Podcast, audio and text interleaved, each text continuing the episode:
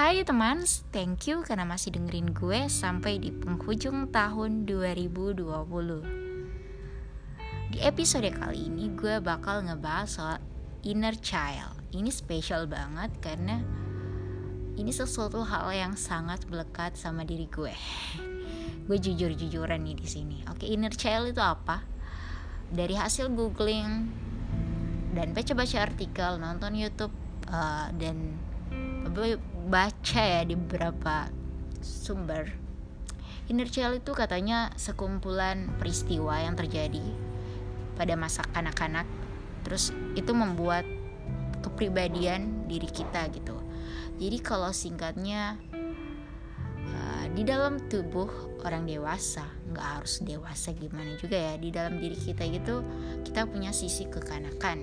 Dan itu adalah apa inner child kita gitu ya. Contohnya apa? Misalnya orang yang kasar terus lebih ngarah ke kekerasan.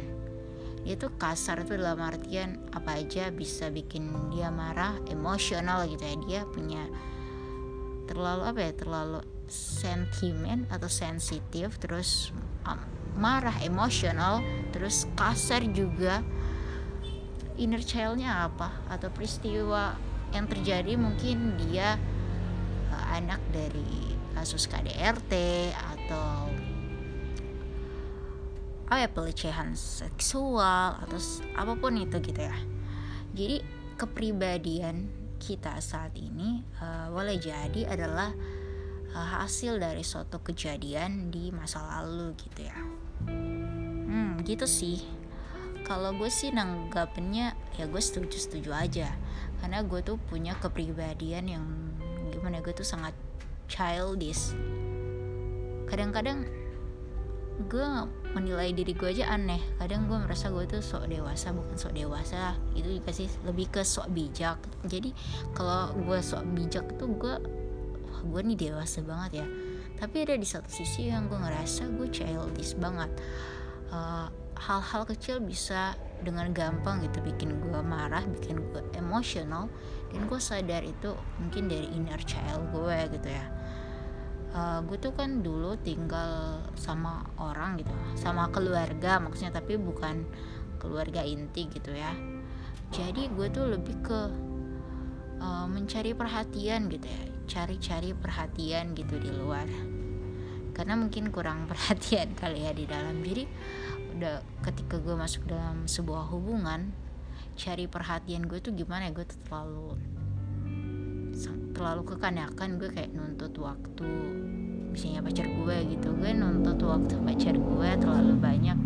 Dan gue sadar di situ gue egois uh, dan gue kekanakan banget. Tapi satu hal yang juga gue sadari gue nggak bisa dengan mudah handle perasaan itu gitu perasaan kalau gue tuh butuh gitu dikasih perhatian yang banyak.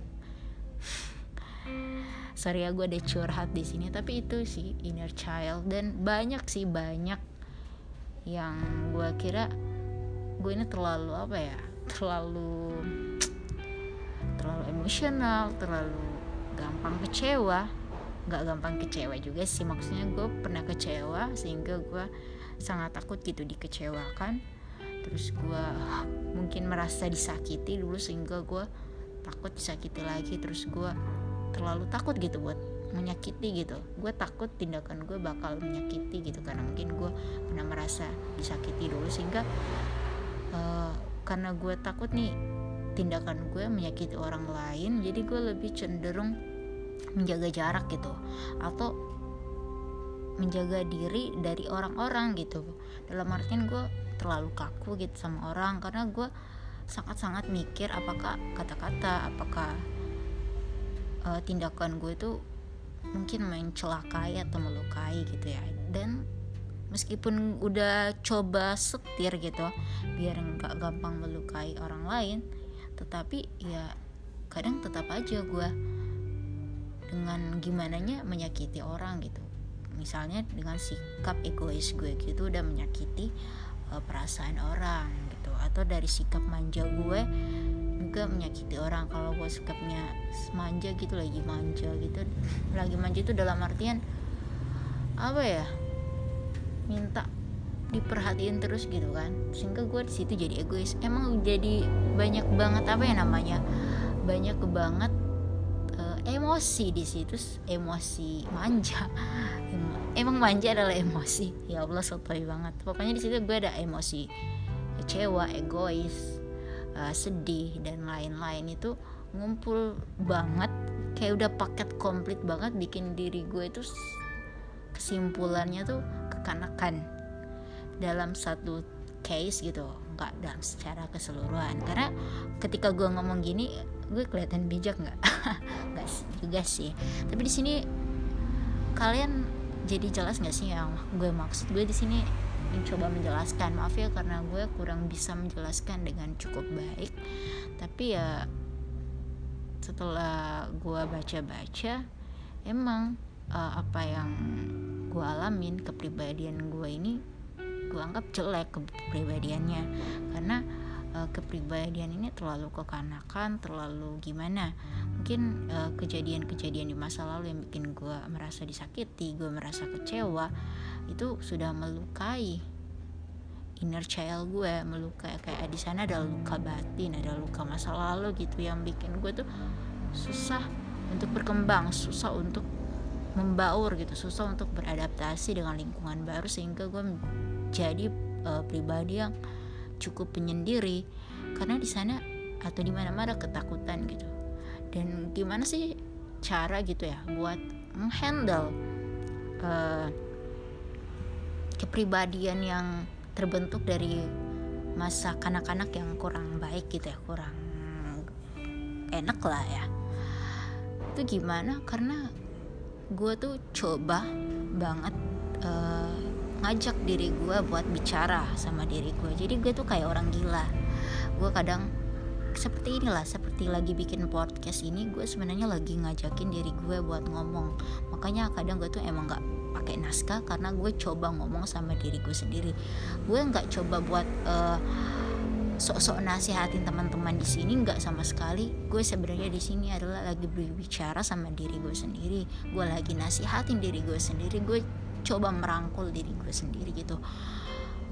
Gue benar-benar sangat-sangat berusaha gitu karena ketika gue merasa uh, sisi kekanakan gue sisi kekanakan gue tuh timbul gue merasa emang gue egois gue tahu gue egois tapi mau gimana gitu gue bahkan kadang nggak kadang juga seringnya nggak bisa menghandle perasaan itu gitu ya. Jadi apa yang bisa gue lakuin adalah seperti ini. Gue mencoba bikin podcast gue coba ngomong sendiri. Dari gue ngomong sendiri itu gue lebih banyak mengenal diri gue sendiri. Gue mencoba menggali apa sih yang gue mau. Iya gue udah kecewa gitu di masa lalu.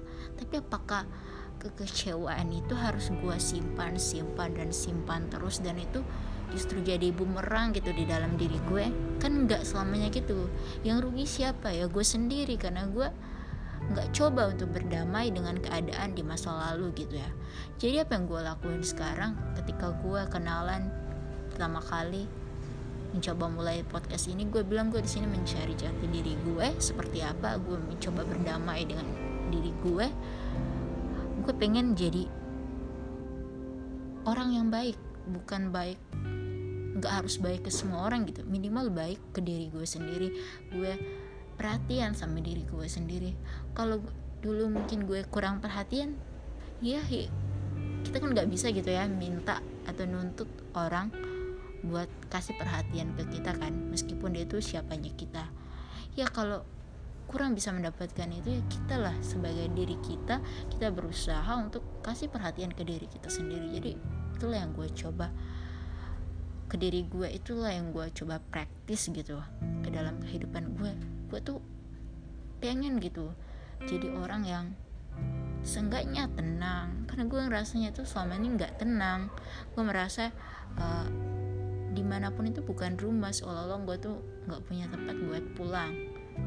Gue nggak tahu ya uh, teman-teman pernah ngerasa kayak gue apa enggak tapi jujur di sini gue tuh coba cerita bahwa uh, banyak banget kejadian di masa lalu yang bikin gue seperti ini. Gue kurang bisa memaafkan nggak memaafkan juga sih. Gue bukan kurang bisa memaafkan gue tuh bisa memaafkan tapi gue ya udah kalau gue udah tahu kesalahan seseorang atau gue udah tahu dia orangnya kayak gimana ya udah cukup say hi gitu. Padahal kan gue juga sadar kalau setiap orang itu berhak atas kesempatan kedua setiap orang itu boleh jadi bisa berubah lebih baik. Jadi hal-hal yang coba gue tanamin ke diri gue lewat berbicara seperti ini adalah mencoba berdamai dengan diri gue kasih tahu sama diri gue apa sih yang bikin lo sampai saat ini gak bisa memaafkan masa lalu? Kalau lu udah tahu masalahnya apa mau digimanain masa lalu itu nggak bisa gitu diubah susah. Buat kembali lagi cukup diri kita gitu yang bisa menghandle hati kita mensetir diri kita apa yang perlu kita lakukan ke depannya. Gue nih nggak sok bijak sumpah. Kalau orang mau bilang gue sok bijak banget ya terserah aja sih orang mau ngomong apa. Cuma gue mau kasih pembenaran diri pembenaran diri. Kalau gue nggak sama sekali sok bijak. Hal-hal yang gue bilang ke teman-teman adalah hal-hal yang mungkin gue alamin hampir seluruhnya. Gue pengen jadi manusia yang baik terhadap diri gue sendiri minimal gitu ya. Gue pengen jadi orang yang sukses mimpi gue banyak cita-cita gue terlalu besar. Kadang kenapa gue pendiam banget? Karena gue nggak tahu apa yang pengen dibicarain gitu ya. Gue nggak tahu apa yang pengen bicarain. Kalau sekalipun mau bicarain gue malu. Kenapa yang bikin gue malu? Mungkin juga dari sisi inner child gue ya. Gue uh, kurang dapat apresiasi gitu ketika ngom ngomong. Jadi mau ngomong itu jadi malu gitu. Gue tuh terlalu malu buat ngomong ke orang karena cita-cita gue itu terlalu gede banget. Sementara gue tuh percaya nggak ada cita-cita yang gede. Yang ada adalah kita yang terlalu takut gitu buat bercita-cita. Tapi kan pandangan atau uh, opini orang itu itu kan beda-beda. Kalau gue nganggapnya cita-cita itu nggak ada yang tinggi orang lain mungkin nganggapnya cita-cita itu adalah sesuatu hal yang sulit atau gimana ya kan? Setiap orang punya perbedaan gitu perbedaan penafsiran perbedaan pendapat itu it's okay. Cuma gue tuh pengen ngasih tahu ke teman-teman uh, yang punya masa lalu apa pun yang bikin suatu kepribadian yang kurang baik mungkin kayak pemarah uh, kasar, terlalu takut kehilangan, hal-hal itu normal. Dan nggak salah, kamu nggak salah gitu ya, lu nggak salah sama sekali. Tapi apa, lu mau nggak gitu terus, lu mau nggak merasakan kesedihan itu, lu mau nggak terus-terusan merasakan rasa kecewa itu, rasa sedih itu, rasa kesepian itu, lu mau emang terus merasakannya. Kalau lu nggak mau, yuk coba berubah yuk coba kenali diri kita ajak diri kita bicara apa yang kita mau apa yang apa yang hati kita mau gitu dan apa yang bisa bikin kita bisa memaafkan itu semua. Itu aja sih dari gue. Kalau ada yang kurang dan tentunya pasti ada yang kurang tolong di komen aja ya. Thank you. Assalamualaikum